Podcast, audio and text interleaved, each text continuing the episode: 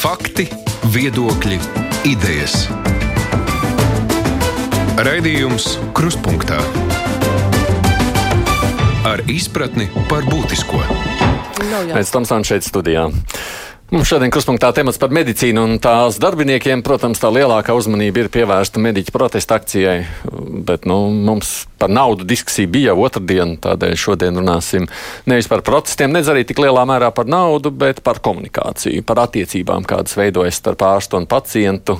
Kāpēc tajās ir tik bieži nesaprašanās, pat tāda arī paliekoša rūkuma sajūta. Interesanti, ka arī tie jūsu zvani arī tagad brīvajā mikrofonā iepriekš nemaz nebija tik atbalstoši runājot par mediķu prasībām. Pievērsties tematam mums ir likusi tā noskaņa, kas pēdējās dienās veidojusies pēc Latvijas televīzijas kolēģu darba. Viņi ir aktīvi pievērsušies vēža ārstniecībai Latvijā.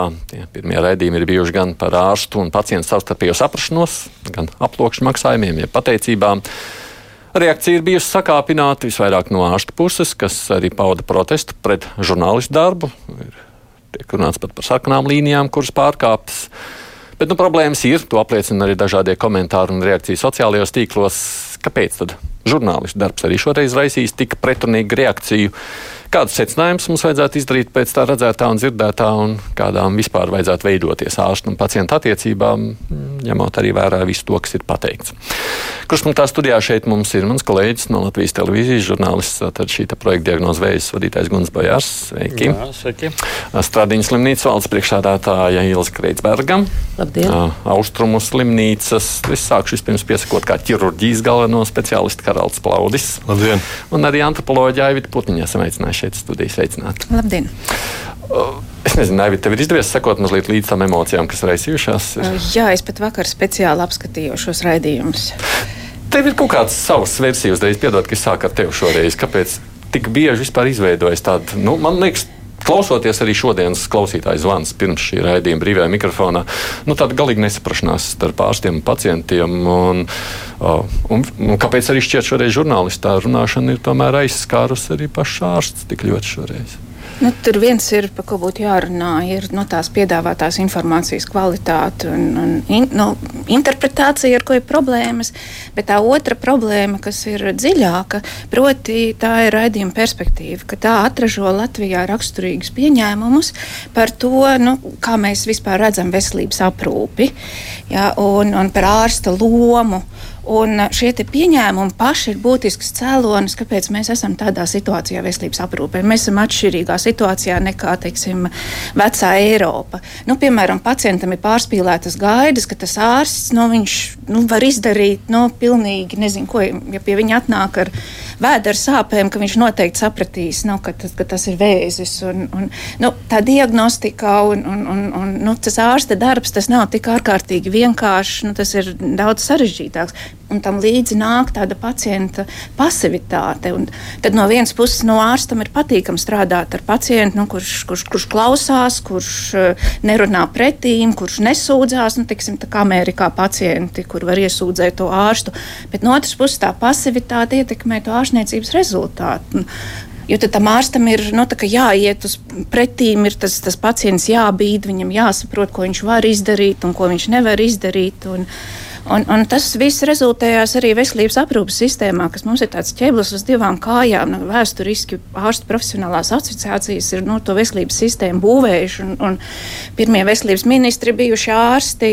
Jā, un, un tā otra kāja mums ir tās valsts finanses, kuras ietekmē tās tā, tā ārstu profesionālās asociācijas. Mums pietrūkst trešā kāja pacienti. Pacientu tiesību likums tika muļāts un pie, beidzot stājās spēkā 2010. gadā. Mums nav neviena pacientu tiesību organizācija.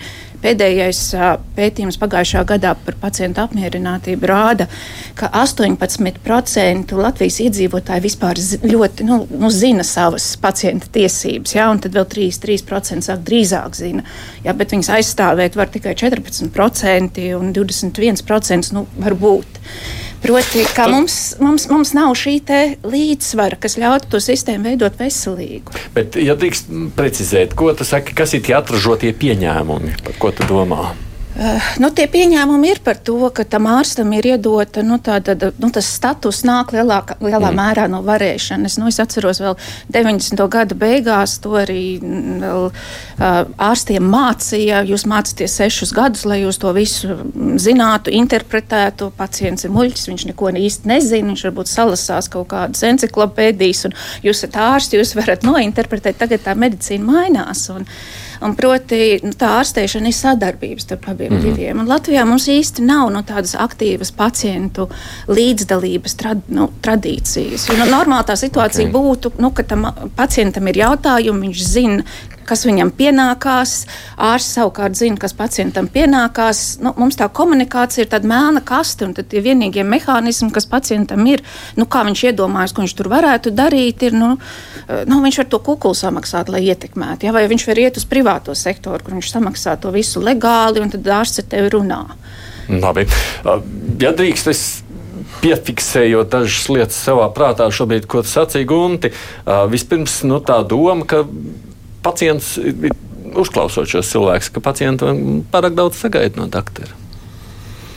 Es teiktu, ka tā lielākā problēma, kas kaut kādā ziņā šeit ir izveidojusies, ka mums, jā, ka mums ir priekšplānā ārsti, kas ir ļoti būtiski šīs sistēmas sastāvdaļa, bet kaut kur tajā visā sistēmā. Man šķiet, ka mums domāšana tam personam, nu, es teiktu, jā, es teiktu šajā gadījumā nozarēs par to, ka mēs nedomājam pacientu valodā. Un, nu, un, jā, un kaut kādā ziņā viņi ir kaut kur, kaut kur, kaut kur zemāk. Jo, ja mēs runājam, protams, ka šobrīd var pārmest aizliegtiem paņēmienam, tur atsevišķi stāsti, pacientu stāsti, ko mēs esam uzklausījuši, un atsevišķi stāsti, un mēs nedrīkstam vispārināt. Un es saku, ka punkts viens, ja mēs runājam par faktiem, tad es, un tas arī izskanēja aizliegtajā paņēmienā, un tas ir, ir aptauja par to, ka šogad janvārī tika publicēts pētījums. Tur viens no secinājumiem bija ārstniecības personu atbildība un sadarbība ir ierobežota, to sauc no precīzi noteikta ārstniecības personu izdevuma pacienta informēšanā un savstarpējā komunikācijas uzlabošanā. Tas ir secinājums, un tas nav viens pacients, tas ir pētījums.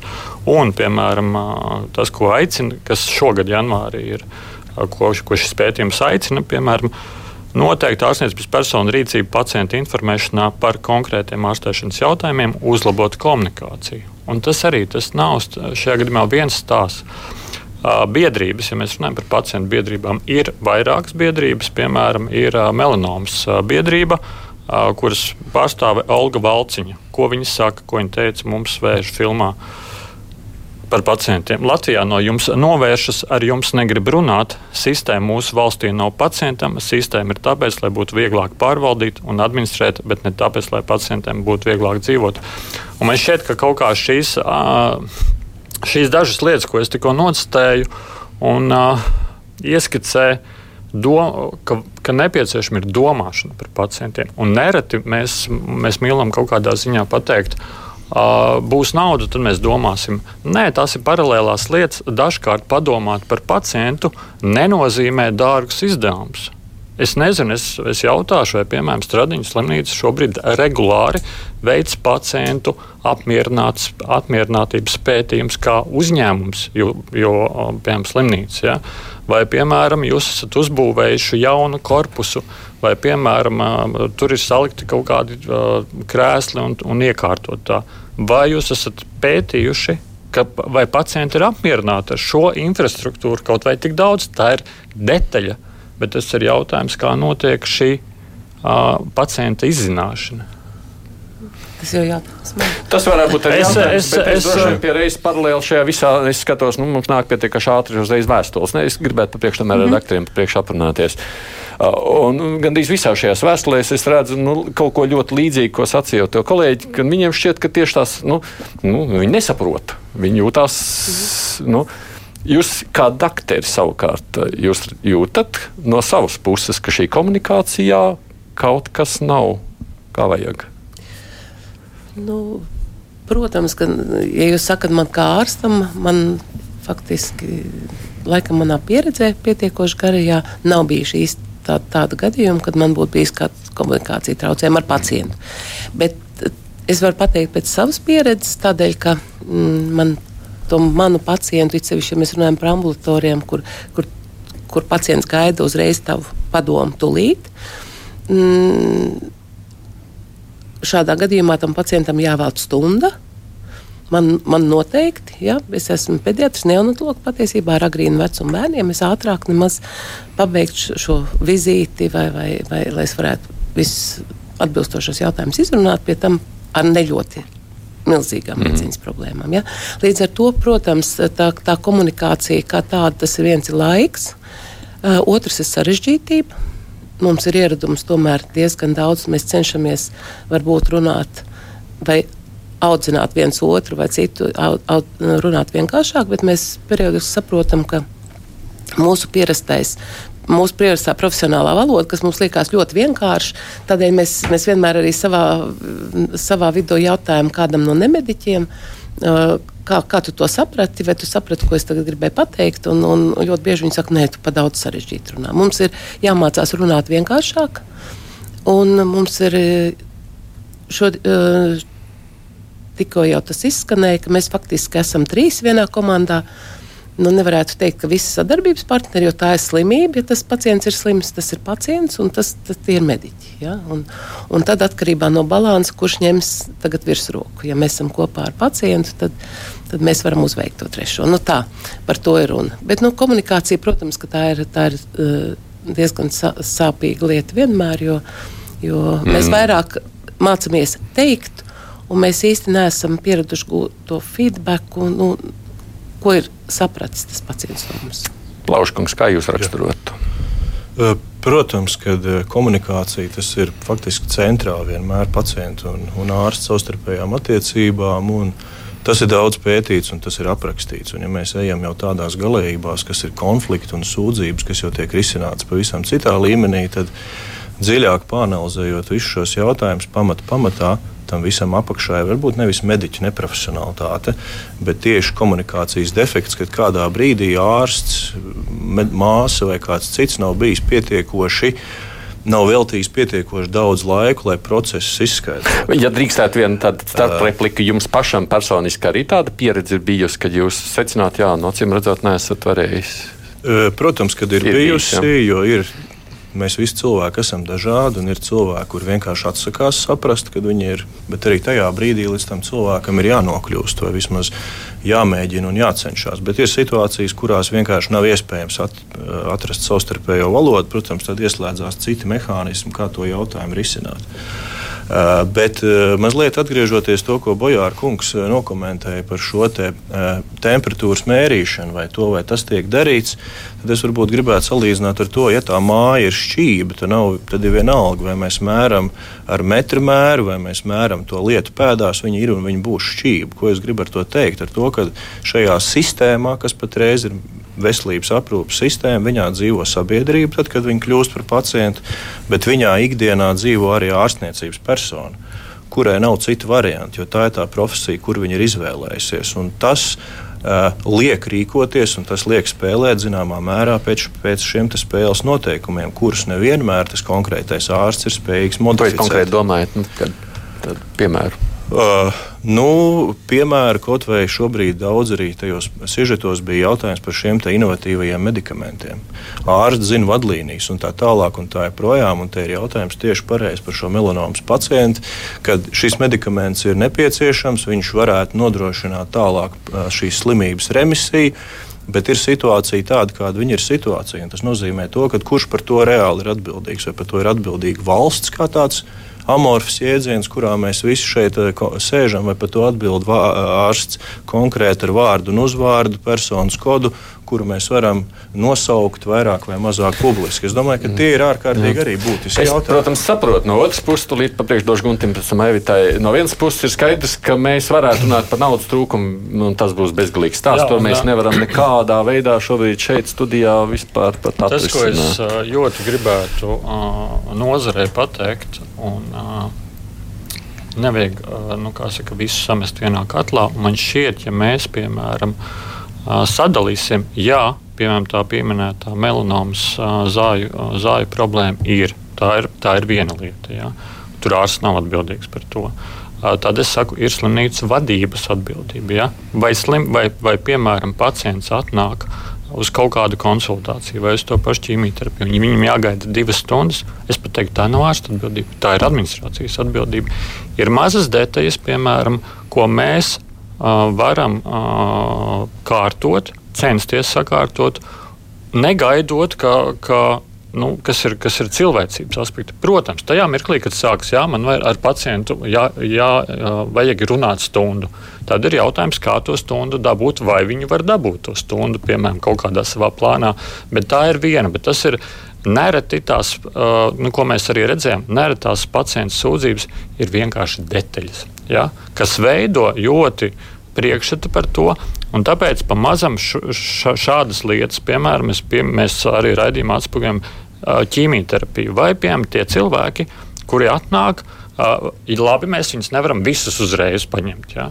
Bet kādā veidā ir radīti apstākļi, lai viņam to gaidīšanu atvieglotu, lai, lai cilvēks viņam ir pateicis, ka viņam jābūt, lai nebūtu situācija, ka ārsts neatnāk, bet vienkārši nu, un, un, un aizmirst pateikt šiem pacientiem. Tās visas ir detaļas, kas ir lielā mērā administrācijas atbildība, kas nereti neprasa milzu līdzekļus Un nevajag, nu, saku, nevajag samest visu katlā, vienā katlā un teikt, nu, kamēr mums nebūs šie te, uh, 120 miljoni, tikmēr mēs neko nedarām. Pagājušajā vietā vispirms došu vārdu, piedodiet, jo viņa jau rokas ceļā man te ilgi. Jā, es, es gribēju atbildēt par, par tiem jautājumiem par tiem faktiem. Proti, nu, jebkura tā diskusija mums būtu jāsāk ar faktiem. Un tad, diemžēl, tā aptauja, uz ko raidījums balstījās, nu, tā ir diezgan, nu, kā lai saka, veikta nu, ar tādiem. Nu, nu, varbūt nevisai zinātniski pamatotām gan, gan metodēm, gan iespējām. Šogad ir publiskots viens cits liels pētījums, ko pasūtīja Nacionālās veselības dienests par pacientu apmierinātību, un tur tie rezultāti ir pavisam citi. Tur ir tā ir reprezentatīva aptauja, tur šie dati ir attiecīgi apstrādāti un tiem varētu labāk uzticēties. Proti, uh, nu, ja mēs veidojam kādus raidījumus un diskusijas, tad būtu labi paskatīties, nu, kādos faktos mēs balstāmies. Tas ir valsts pasūtīts. Šajā gadījumā valsts maksāts par onkoloģiju, tieši par onkoloģiju. Ja mēs domājam, te, ja tas ir tas uh, veselības ekonomikas centra pētījums, tad. Labi, es to uh, repliku pieņemu tajā pašā laikā. Nu, vismaz jau raidījuma laikā, man liekas, jāatnāk kāds 20, 30 vēstules, kurās tomēr tie piemēri, ko te cilvēki dala, es tādu vienu acu tikai ātrumā skatos, nu rāda, ka nav tiešām mums pamats sacīt, ka viss ir kārtībā tajā visā lietā. Nu, tad ir tas, nu, kaut vai skatoties no vienas sadaļas, te, mm, nezinu, vai es visu to vēstuli nolasīšu, piemēram, Ginter kungs raksta tā, manā pieredzē, piemēram, ir dakteri, un viņš stāsta konkrēti, kuram viņš saka, kuram viņš noteikti gribētu iedot algu, tas ir Armans Sīviņš, uh, onkoloģijas centrā, sakot, savukārt viņam ir pieredze, kur kādu dakteru viņš vienkārši pasūtīja ārā. Viņš sakot, nu, ja tos algus palielina, tad vajadzētu dot tiem labajiem, kas to ir pelnījuši, un tiem sliktiem, kas viņus vienkārši izdara no kabineta ārā, nevajadzētu dot. Proti, ar to domu, ka varbūt ka ir vērts vispirms apskatīties, vai jūs spējat kaut kādā veidā nu, paši gradēt tos doktorus, kuriem, nezinu, kuriem veidojas laba komunikācija ar pacientiem, kuriem mūžīgi veidojas kaut kādas nesaprašanās vai konflikti. Ir tā. Mm. Nu, lai pateiktu kritēriju, kurš ir labāks un kurš ir sliktāks, nelaipna, nepieklājīga vai vai nepretim nākoša attieksme vispār nav pieļaujama nevienam ārstam. Protams, ka periodiski cilvēki arī ir dažādi. Un, un man kā administratoram ir pietiekama pieredze. Es zinu, kādreiz es zinu perfektus ārstus, kuram ar komunikāciju ir, ir nu, grūtības salīdzinoši. Un, uh, un tad, kad man ir bijis jābūt atkārtot par, par buferzonu, uh, tad, tad tas tā ārsts tas ārsts arī mācās kaut ko, un viņam šī, šī situācija izzūd. Viņš joprojām ir brīnišķīgs ārsts un, un strādā un izglāb daudz cilvēku dzīvības. Es domāju, ka tāpēc tā vien, viennozīmīgi mm, arī pateikt jā. nevar. Un, un, un tā, jo patīk, nepatīk, tas nav ārsta kvalitātes rādītājs. Kaut gan, es, nu, kā es teicu, protams, ka, ka nelaipna, nepieklājīga nu, un noraidoša vai izdevuma. Tas, ko mums ir viena replika, ko es, bet, arī, ko es arī šeit piebildīšu mazliet par to, ka nereti, ko mēs arī redzējām šajās pacientu ārstu attiecībās, ka nereti tās ir tik individuāls tās attiecības, ka vienam, piemēram, ar doktoru sieviņu būs izveidojušās nu, kaut kādas, nu, es nezinu, ķīmijas kaut kas, nu, viņam ne, nepatīk tas ārsts, nu, ne, neizveidojas mm -hmm. tas konteksts. Un ir, piemēram, par pacientu, kuri būs laimīgi. Un te vēl viena lieta, ko Mēs iespējams par to runāsim, bet tas, ko mēs īsti mēs nevaram saprast, šo te pateicību lomu šajās visās attiecībās. Un tas viens, tad, kad mēs jautājam attiecībā par to, kādas jums bija attiecības ar ārstu, jā, teorētiski jāizturās pret visiem vienādi, bet viens no jautājumiem bija, jūs devāt vai nedavāt. Jo tas nereti šīs attiecības maina vai uh, rada priekšstatu, ka maina. Tā ir komentēta. Jā, varbūt, varbūt nokomentējot to, jā, iesākot varbūt to jautājumu, ko uzdeva klausītājs. Tas faktiski raksturo to, cik ļoti šī ārsta un pacienta attiecības ir ļoti personiskas. Un, ja šis ārsts un ar šo ārstu attiecības izveidojās ļoti labas, tad tas uzreiz nes līdzi uzticēšanos ne, ne tikai tai konkrētajai ārstniecības personai, kas patiesībā tas arī ir pierādīts, ka līdz ar to arī ārstēšanas process vislielāko varbūtību veik, būs veiksmīgs, bet tas nes uzticību arī visai sistēmai kopumā.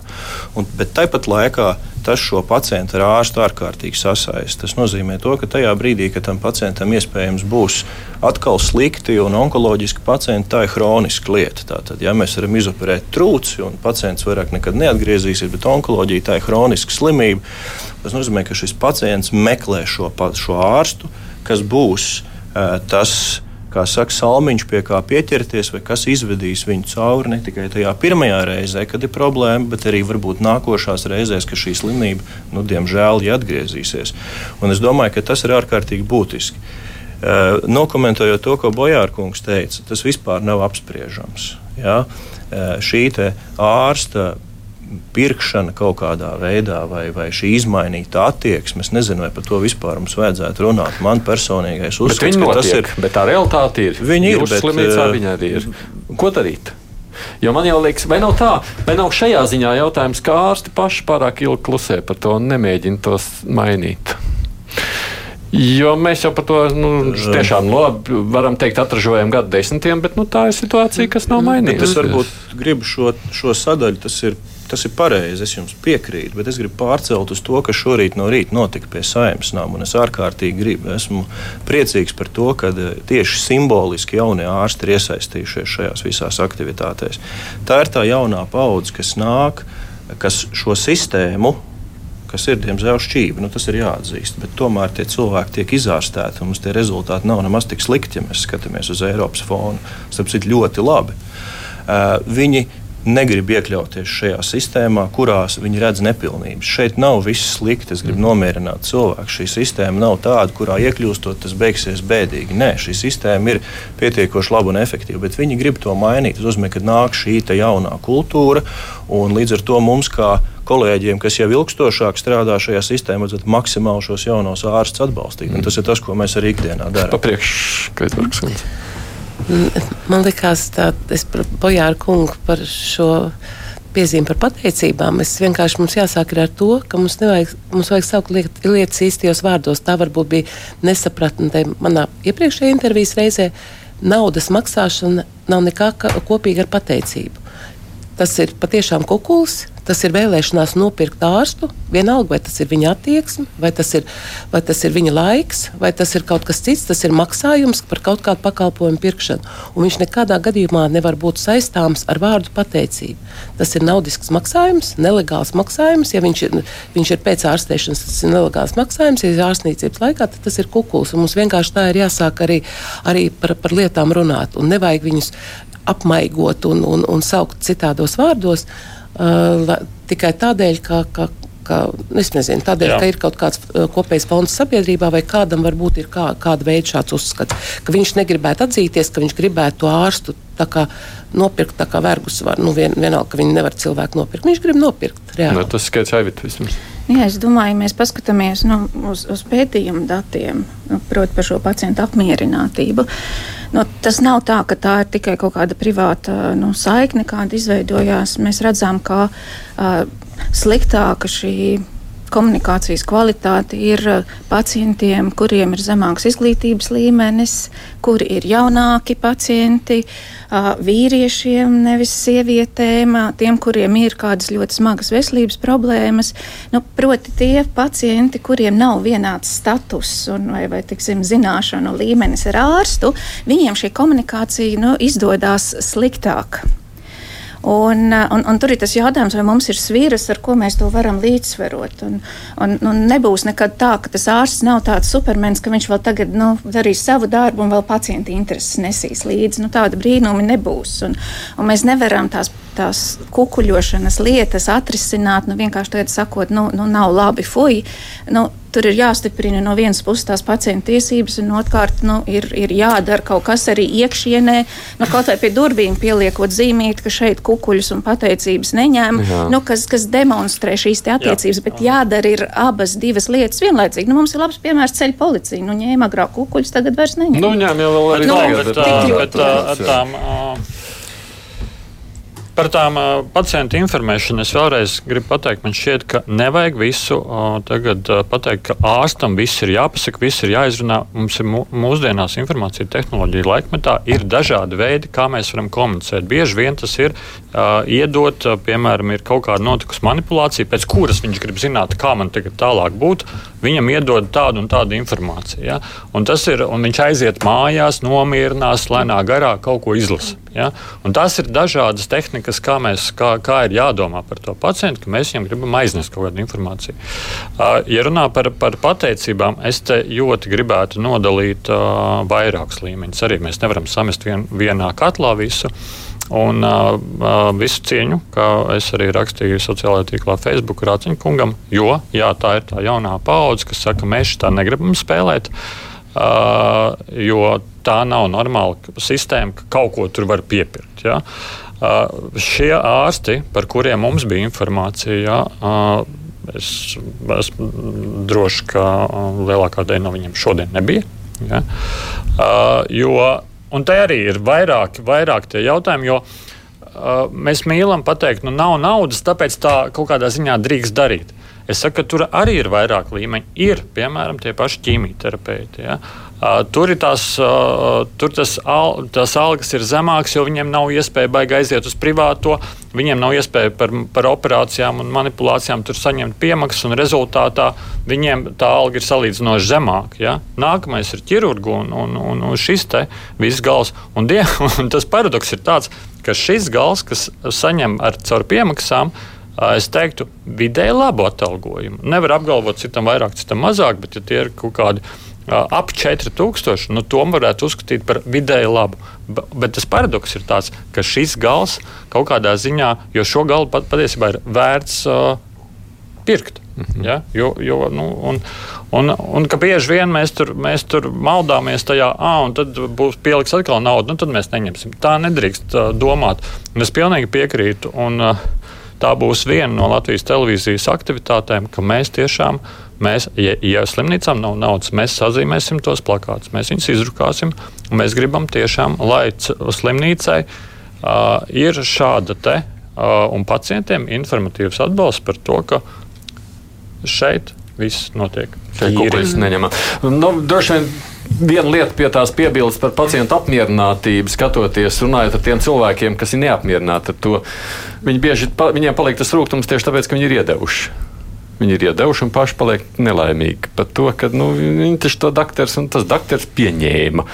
Un viņiem paliek tāda rūkuma sajūta un, un, un, un, un nepatika par visu to piedzīvot ārstniecības procesu. Par tām gaidām es tur kaut ko gaidu, un tas, bet tas ārsts, nu, it sevišķi šādās situācijās bieži vien nav dievs. Pat sakot, pabeidzot šo sadaļu, ja runājam tiešām par pateicībām, tā pirmā daļa ir droši vien, nu, ko var darīt gan pacienti, gan mediķi. Nu, mēģinot to runāt, ka šis nav veids, kā mēs gribam atrisināt medicīnas finansējuma trūkumu. Nu, tas taču neviens negrib šādā veidā to lietu kārtot. Es domāju, ka pilnīgi noteikti, un es domāju, ka ārsti ir godprātīgi, un diez vai ārsti jūtās Es, protams, nevaru runāt par visiem. Loģiski patīkami, kad viņiem šīs pateicības eh, tiek piedāvātas, bet tas nav tikai ārsta jautājums. Jo patiesībā tajā brīdī, kad ir šī sistēma, kas nav līdz galam caurspīdīga un saprotama, eh, pacientam ir šī vēlme kaut kādu garantiju nopirkt, ja tā var izteikt, ja vispār šo garantiju var nopirkt. Un pietiekoši daudz pacientu iespējams jūtās labāk, ja viņi šo pateicību tam ārstam ir iedevuši.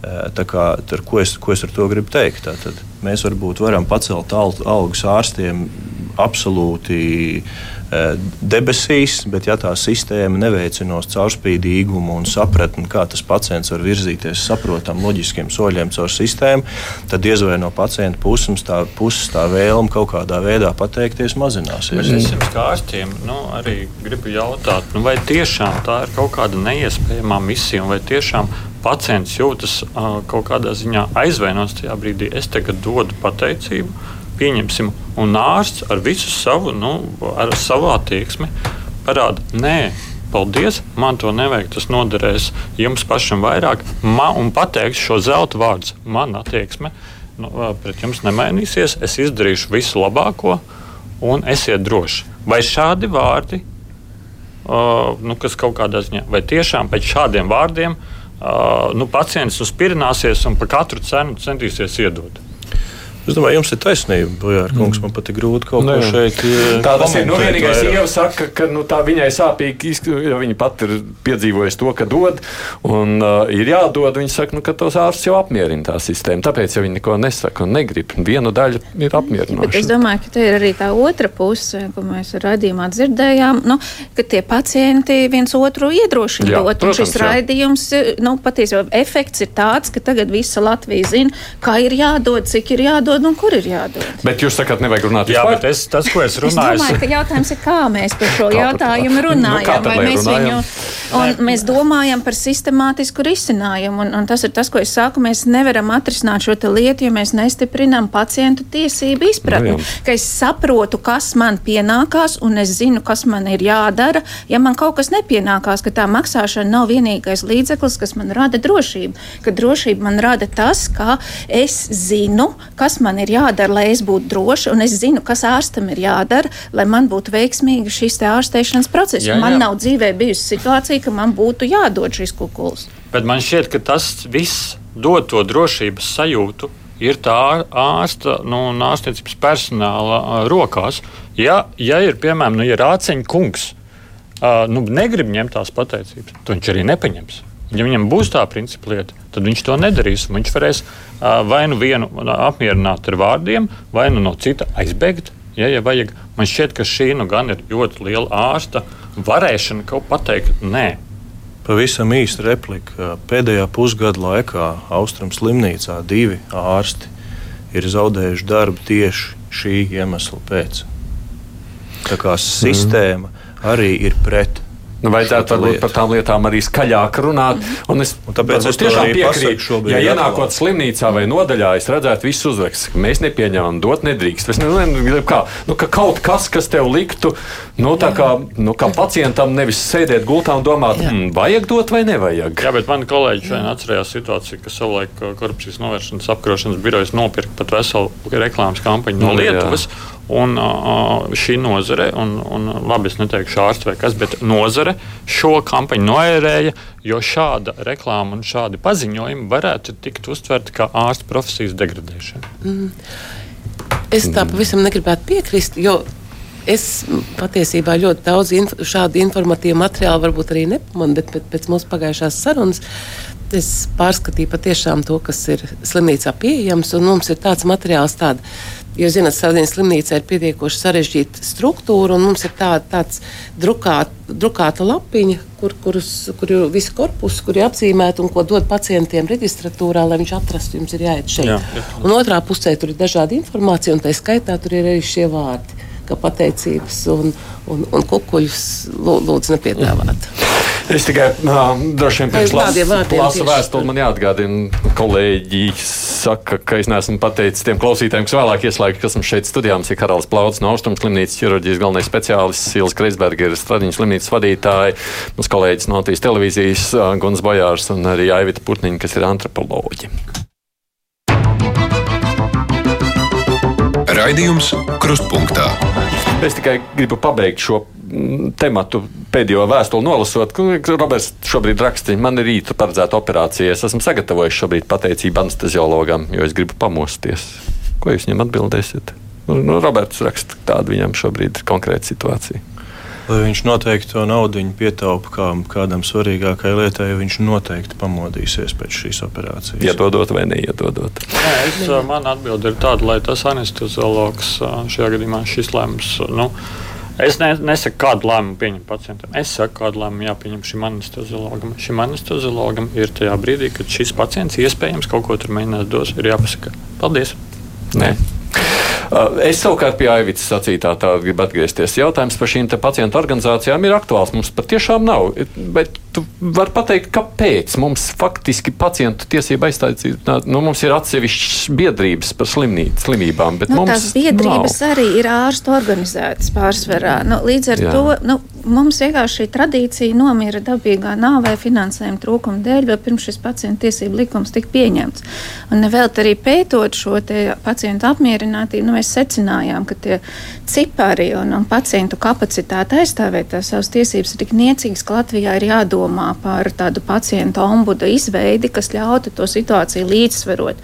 Un nav tā, nu, tas ārsts viens pats, nu, es teicu, viņš nav supermens, viņš nevar novērst kukuļošanu, viņš tur nevar, nu, visas šīs lietas, nu, tāpēc, ka mēs zinām, nu, jebkurā tirgu nu, mums ir piedāvājums un pieprasījums, un, un viņš to piedāvājumu nekādā veidā nelikvidēs, jo viņu jau to piedāvājumu rada, nu, nu, tie pacienti priekšstat par to, kāda ārstēšana ir, un tas, ka viņi nepārzina, kā šī sistēma strādā. Un tas traģiskākais, mēs skatāmies uz nu, jauno paudzi, 18, 24 gadus veci jaunieši, tie ir vissliktāk informētie par to, kur vispār kā dabūt, lai arī viņi zina informāciju tehnoloģijas, viņi tā kā varētu atrast, bet viņi tajā sistēmā, kāda mums ir, viņi neorientējās, viņi nesaprot loģiku, pēc kuras mēs varētu meklēt, ko mēs varētu pieprasīt, un tā droši vien ir nu, tāda ilgtermiņā lielākā problēma. Jo mēs varam visi saprast, mēs, mēs uh, varam to problēmu identificēt, bet mēs viņu varam risināt, nu, mainot šo spēka līdzsvaru.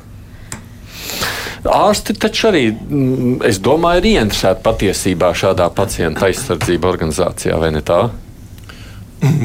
Pilnīgi noteikti, jo eh, bieži vien tas, kas mums kā ārstiem ir, ir būtiski, šī spēja paraudzīties uz situāciju no malas. Un, faktiski šīs pacientu organizācijas ir tās, kas to temperatūru reāli mēra un mums pasaka, ka ārstiem dažu brīdi, eh, dažas lietas priekšā, ko vienkārši mēs esam tajā sistēmā tik dziļi, ka mēs varbūt no malas to neredzam. Tāpēc mēs noteikti nu, gaidām, ka tas nebūtu tik ļoti dārgs. Tas nebūtu tik pasākums. dārgs, un tur līdzi nāk nu, arī citi instrumenti. Nu, Tāpat Bojāra kunga minētā apmierinātības aptauja, nu, kas, kas ir katrā slimnīcā, nu, gandrīz tāda tiek veikta pēc atšķirīgas metodoloģijas. Valsts tagad veica pirmo lielo visas valsts mērogā.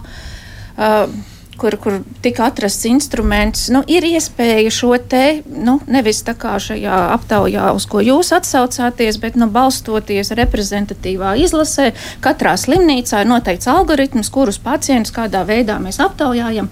Un tad tā ārstniecības iestādē ir nu, sapratne, kā viņi varētu iet, ko viņi varētu labot, un viņi dabūna šo pacienta balsi. Tā kā nu, tā pacienta balss mums iztrūks nu, vis, visās lietās, teiksim, ja mēs Lielbritānijas mm. sistēmu salāgojam, nu, tad, tad mums tur ir nu, tāds pilnīgi baltais plankums. Ne, īsti negribētu eh, piekrist, bet vienkārši jūs varbūt neziniet, bet pašlaik valstiski tas tiek risināts, jā, un pašlaik ir, ir, ir uzsākts projekts, bija pilotprojekts bērnu slimnīcā. Tas bija sadarbībā ar somu kolēģiem par pacientu. Viņš neskaitās, ka pacienta apmierinātība ir pacienta pieredzes uh, nu, datu bāzes savā nu, sakrāšana vai, vai tā. Un viņi ir paredzēti arī ieviest tālāk arī kā, kā nākošajā solī arī lielās universitātes slimnīcās un arī, arī Jā, nu, ko jūs darīsiet ar to visu, kad jūs dabūsiet? Jo, tas nu, ir protams, tas interesantākais jautājums. Guns jau var sacīt, nu, kā jūs mērat savu slimnīcu. Jau tas notiek, mums arī tas notiek, mums notiek un, un patiesībā tas, kam mēs esam pievērsuši uzmanību un kur mums visregulārākā kārtā notiek, tas ir neatliekamā medicīnas centrā, tas ir neatliekamie palīdzībā, kas ir tāds diezgan mezglu punkts. Un, un, tāds, un, un kas šajā gadījumā ir vispār visinteresantākais, tie ir atvērtā, atvērtie jautājumi. Tur, kur pacienti izsaka savu viedokli, to, ko Bojārkungs minēja par konkrētām kādām lietām. Nevis jā, nē, nezinu, labi, slikti vai kas, bet tad, kad viņi iesaka kaut kādus priekšlikumus, mēs viņus esam pārskatījuši un, un ir virkni pasākumu. Es nevaru pateikt skaitliski, cik, bet ir veikti tieši arī, lai ņemot vērā šos pacientu ieteikumus. Mm. Varbūt nedaudz, nedaudz papildinot to, ko Kreisbergs kundze teica, tad faktiski šo lietu, kā kā pacienta apmierinātību vai to sistēmas nu, tādu, saka, labvēlību, viņu var faktiski uzlabot līdz bezgalībai. Ja mēs paskatāmies pasaules kontekstā, kur teiksim, tās sistēmas un slimnīcas jau strādā varbūt kā tādi pilnīgi skaidri mehānismi, tad šis te termins angļuiski saucās patient experience, vai tas, kā tas pacients iet caur šo sistēmu, ir tā sadaļa, kurā patiesībā tie stacionāri savā starpā reāli cīnās, lai dabūtu tos lielos bonusus, ka pacients tieši mūs izvēlēsies. Es domāju, ka ļoti būtiski ir, ka tas jautājums patreiz ir atvērts un ka mēs, es gribu cerēt, arī uz to ejam. No, tā būtu laba lieta. Es gribu vēl trešo lietu savukārt pieminēt, ko Guns sacīja. Tas ir stāsts par ilgo gaidīšanu rindās, kas tur parādījās tajā sižetā. Es arī klausoties īstenībā domāju tā, nu, ko nozīmē rindas. Tas nozīmē, ka tas dakteris kādiem veltīs pārāk daudz laika un citiem tāpēc ir jāsēž tajā rindā, vai arī to pacienti par maz. Nē, nē, nē, bet tur ir, bet tur ir, bet tur ir uh, rindas uh, koris. Nu, nu, rindas mums bet ir. Uh, rindas ir daudz un dikti. Un, ja mēs zinām, te gan ir atdurs pret finansēm, ja mēs runājam par tādu naudas rindu, nu, cik mēs varam kaut ko nu, jā, apkalpot, ir, ir garas rindas, mm -hmm. magnētisko rezonanci vispār. Bet nu, zaļais koridors kaut kādā ziņā to risina. Nu, jā. Bet ir jautājums par organizāciju. Tajā brīdī, kad mēs kaut, ko, ka mēs kaut kādus uh, dzīvo rindu prognozējam, ja? kur tie cilvēki būs, kā tas notiks. Ja? Tas ir šajā gadījumā tāds plānošanas jautājums. Neprecīzi, neprecīzi noplānots. Ja? Es teiktu, ka man šķiet, ka tur arī, ja mēs runājam par tādu kvalitātes standartu, tad mēs pasakām, nu, Uh, zinot to, ka tie ir pacienti, ka tas nav gluži kā sēdēt bankā pēc ieskaitījuma naudas, ja? nu, kur jā, arī cilvēks sēž stundu, ja? bet padomāt par to, kādā veidā viņi sagaida šo savu pakalpojumu, un iespējams viņam vēl nemaz nav jānāk tagad. Iespējams, ievērot, ja mēs nu, tur arī. Man liekas, tas bija Stradiņas slimnīcas ķīmijterapeits minēja par to, ka, nu, ja nu, kāds atnāk pirms tam, tad mēs viņu ņemam. Ja? Un tas otrs, nu, ja viņš bija atnākts 5 minūtes vēlāk, tad mēs neņemam. Šie, es nezinu, kāda ir labākā kārtība, bet arī nu, šajā gadījumā padomāt par to, iejusties. Uh, tā pacienta lomā. Ja? Un nevēl tas, tas bija maz replika, tiešām nevēl tas pieminēja jauno, jauno ēku. Un, un gaidīšana un krēslus. Ja? Tas nereti arī šādas detaļas, detaļa, bet ir ļoti būtiski, lai tam pacientam tie krēsli būtu ērti, zinot to, ka viņam iespējams būs jāgaida pusstunda vai stunda. Nu, jau bija divas stundas, un vismaz arī pieminēts. Jā, gluži par, par krēt, krēslu vērtību. Mēs tā pacientus neesam grupu veidā aptaujājuši. Manuprāt, viņi patiešām jaunajā ēkā ir ērti. Ja es paši, pats būtu pamēģinājis par to runāt, bet kas attiecās par to, ko jūs teicāt, ķīmijterapija. Stradiņas slimnīcā arī onkoloģijas klīnikā ir rīnu sistēma, tagad uh, tūlīt tikko ir palaista. Līdz ar to tā, tā ir lieta, kad, kad, kad, kad nu, sakārtojās šī, šī pieraksta kārtība, ka tu nepaņem iepriekš atnākušo pacientu, un viņš līdz ar to, nav, to kas ir atnācis savā laikā, nenovirza vēlāk. Jā, bet kāpēc veidojās tās? Bet jūs jau saprotat, Jā. mēs dzirdējām to stāstu. Nu, kad atnāc, un vismaz, tu, ja tu tiks pēc divām stundām, tad tu esi laimīgs. Kāpēc? Nu, tur, tur, Tur ir ļoti daudz dažādu aspektu. Nu, Pirmkārt, pieprasījums protams, jā, jo, jo, ja mēs paskatāmies kaut vai uz dažādiem pētījumiem, un 18. gadā bija liels raksts žurnālā Lancet, kas ir ārkārtīgi prestižs, kurš noprognozēja, ka piemēram 2030. gadā onkoloģisko pacientu skaits pieaugs pat 3, līdz pat 30%. Tas nozīmē, ka Latvijā tie būs apmēram 100 tūkstoši pacienti, kas būs uzskaitē. Labi. Es pabeigšu, Bojārkungs. Un, eh, līdz ar to pacientu skaits palielinās. Otrām kārtām, piemēram, radioloģijā, vēl joprojām mēs varam pieteikties 5, 10, 15 dažādās ārstniecības iestādēs uz kompjutora tomogrāfiju. Mums nav centralizēta šī lieta, tāpēc ka vienkārši nav IT risinājums un šī e-veselība reāli nedarbojas. Un, protams, ir faktori, kurus mēs varam elementāri novērst. Ārstam ir jābūt pieņemšanā, pieņemšanai jāsākās laicīgi un tā tālāk. Cik mēs laika veltam tam konkrētam pacientam, tas ir tas darbs, mājas darbs, kas ir jāizdara katram stacionāram. Jo viena lieta, jā, un ko es, uh, ko es atkārtoju, kas ir, man liekas, administratīvi risinām lieta. Iespējams, kaut kas ir pamainījies, bet es atceros, ka uh, pirms tajā tajā laikā, kad mēs sākām to projektu, tur piemēram viena bija arī par. Uh, Ne tikai par ķīmijterapiju, bet arī par uzņemšanu slimnīcā. Jo tā ir uzņemšana, notiek katru rītu. Man šķiet, astoņos, saka, astoņos esi klāt. Uh, uzņemam slimnīcā, būs operācija iespējams nākamajā dienā. Uzņemšanā ierodas astoņos visi. Ja? Visi ierodas astoņos, un visi sēž, desmitiem cilvēku sēž uz dažām vietām, ja? uz, dažām, uh, uz dažiem krēsliem, cenšas tikt. Ja? Un es saku, nu tad izplānojiet tā, Laipiem iespējams, viņš jau, ja viņu uzņem slimnīcā, tad viņš jau, piemēram, norādītajā palātā ieņem gultas vietu, viņam sakārto tos dokumentus, un viņam nav tur jādirba no šajā gaitenī, kā es saku, jāmetās pa gaitiņu. Un šī ir tāda, mēs padomājām par to lietu, mēs izdomājām, lai tas ir ērti. Mm. Aivita. Jā, es gribēju vienkārši ielikt mērogā, ja mēs skatāmies tā garā gaidīšana pie ārsta speciālista kabineta Latvijā kopumā, nu, tā ir problēma 21% pacientu. Nu, tā ir viena piekdaļa, kura kopumā šajā jomā Kas ir daudz, sastopas jā, ar, ar, ar problēmu. Ja, un tad tikpat nu, 20% ir problēmas ar šo pieraksta kārtību, nu, kas ir tāds organizatorisks jautājums. Bet to arī pierāda starptautiski pētījumi, ka problemātiskāk tā gaidīšana, piemēram, brīdī, ja pacientam ir sāpes. Jā, un, un, un tad arī tā neapmierinātība un, un, un, un subjektīvais nu, viedoklis par pakalpojumu ievērojami pasliktinās. Un, bet tā ir problēma gan Latvijā, gan arī visur, kur citur. Jo nu, nevienmēr mēs varam pacientam koridorī izlikt gultas, kas viņiem varbūt Nē, nu, saku, ir, ir, saku, ir vajadzīgas. Šķiet, mēs nedrīkstam, un uh, es uh, nevajag atsaukties, ka citur ir sliktāk. Būvējam sev kaut ko labu, būvējam kaut ko labu sev, uh, saviem pacientiem. Mums ne, nu, labi, mēs varam tur teikt, o, Lielbritānijā tur vēl sliktāk, viņi tur vēl vairāk. Nav atskaites punkts būvējam kaut ko labu. Un ja, un ja tiešām, un tiešām tie cilvēki, kas nāk uz uzņemšanu slimnīcā, pirmkārt, viņi ir satraukušies par, par, par gaidāmo operāciju, iespējams, viņi nejūtas labi, mēs varam par viņiem vienkārši parūpēties.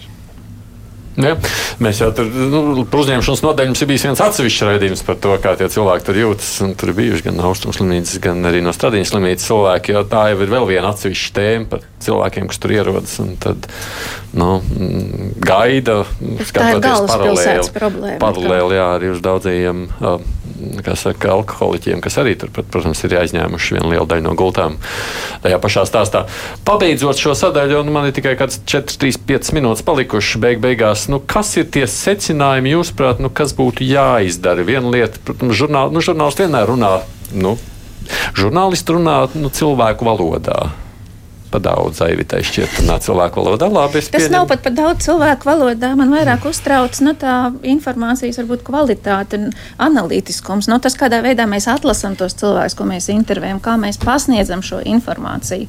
Uh, nu, mēs domājam, nu, kāds ir tas, tas rezultāts ilgtermiņā no tā, kas mums, nu, tā, nu, tā produkta, Jā, kas mums iznāk. Ir uh, sadalām vairākas arī lietas. Ir, mēs, ir uh, kaut kādā ziņā sabiedrības, man šķiet pieņēmumi, ka ir, grupas, ir, ir cilvēku grupas, piemēram, piemēram, ja mēs runājam par policiju, mēs rā, varam rādīt atsevišķus gadījumus, un, un kaut kādā ziņā policija visu, neņem visu uz sevi.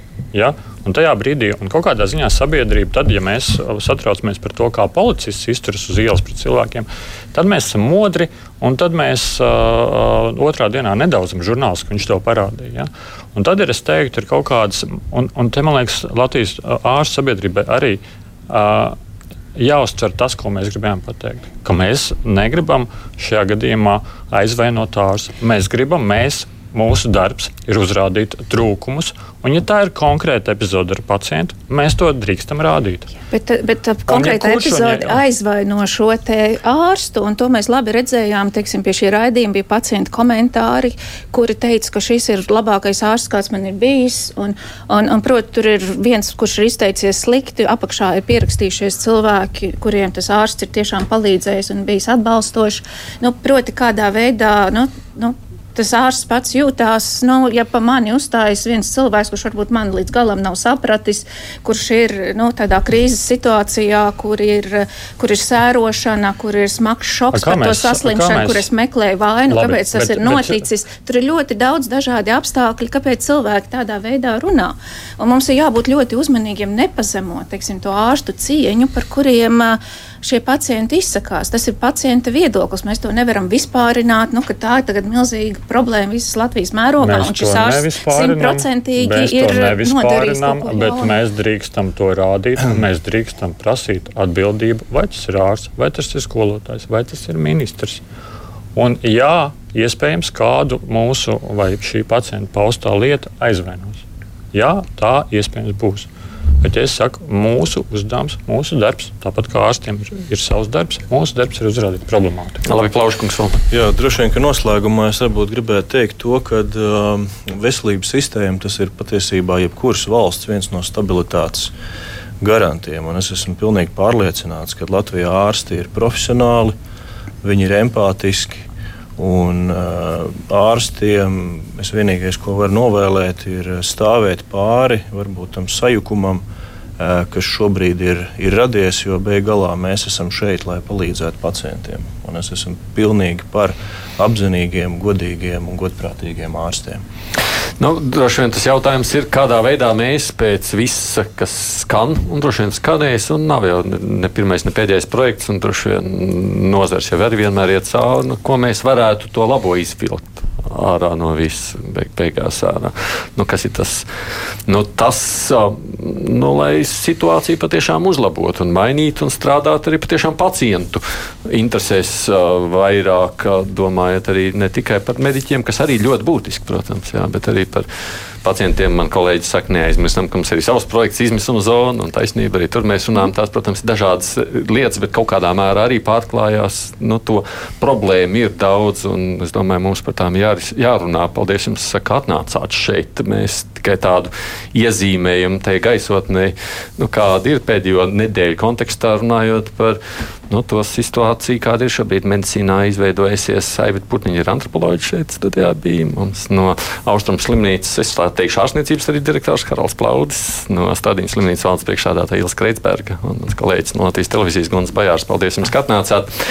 Rīt žurnālisti komentēs aktualitātes, runāsim droši vien arī par šodienas protestu un ne tikai vēl mums raidījums ir radio divas puslodes, tas ir pēc pulksten trījiem, tad runāsim par pasaules aktualitātēm, ASV impeachments, uh, uh, Berlīnas mūra 30 gadu kopš krišanas un daudz tādas lietas, par ko arī runā tas tātad radio ēterā pēc pulksten trījiem. Bet kruspunktā šodien vadīju es Aits Tomsons, nu, producents mūsu raidījumam ir Evija Unāma. Fakti, viedokļi, idejas. Raidījums Kruspunkta ar izpratni par būtisko.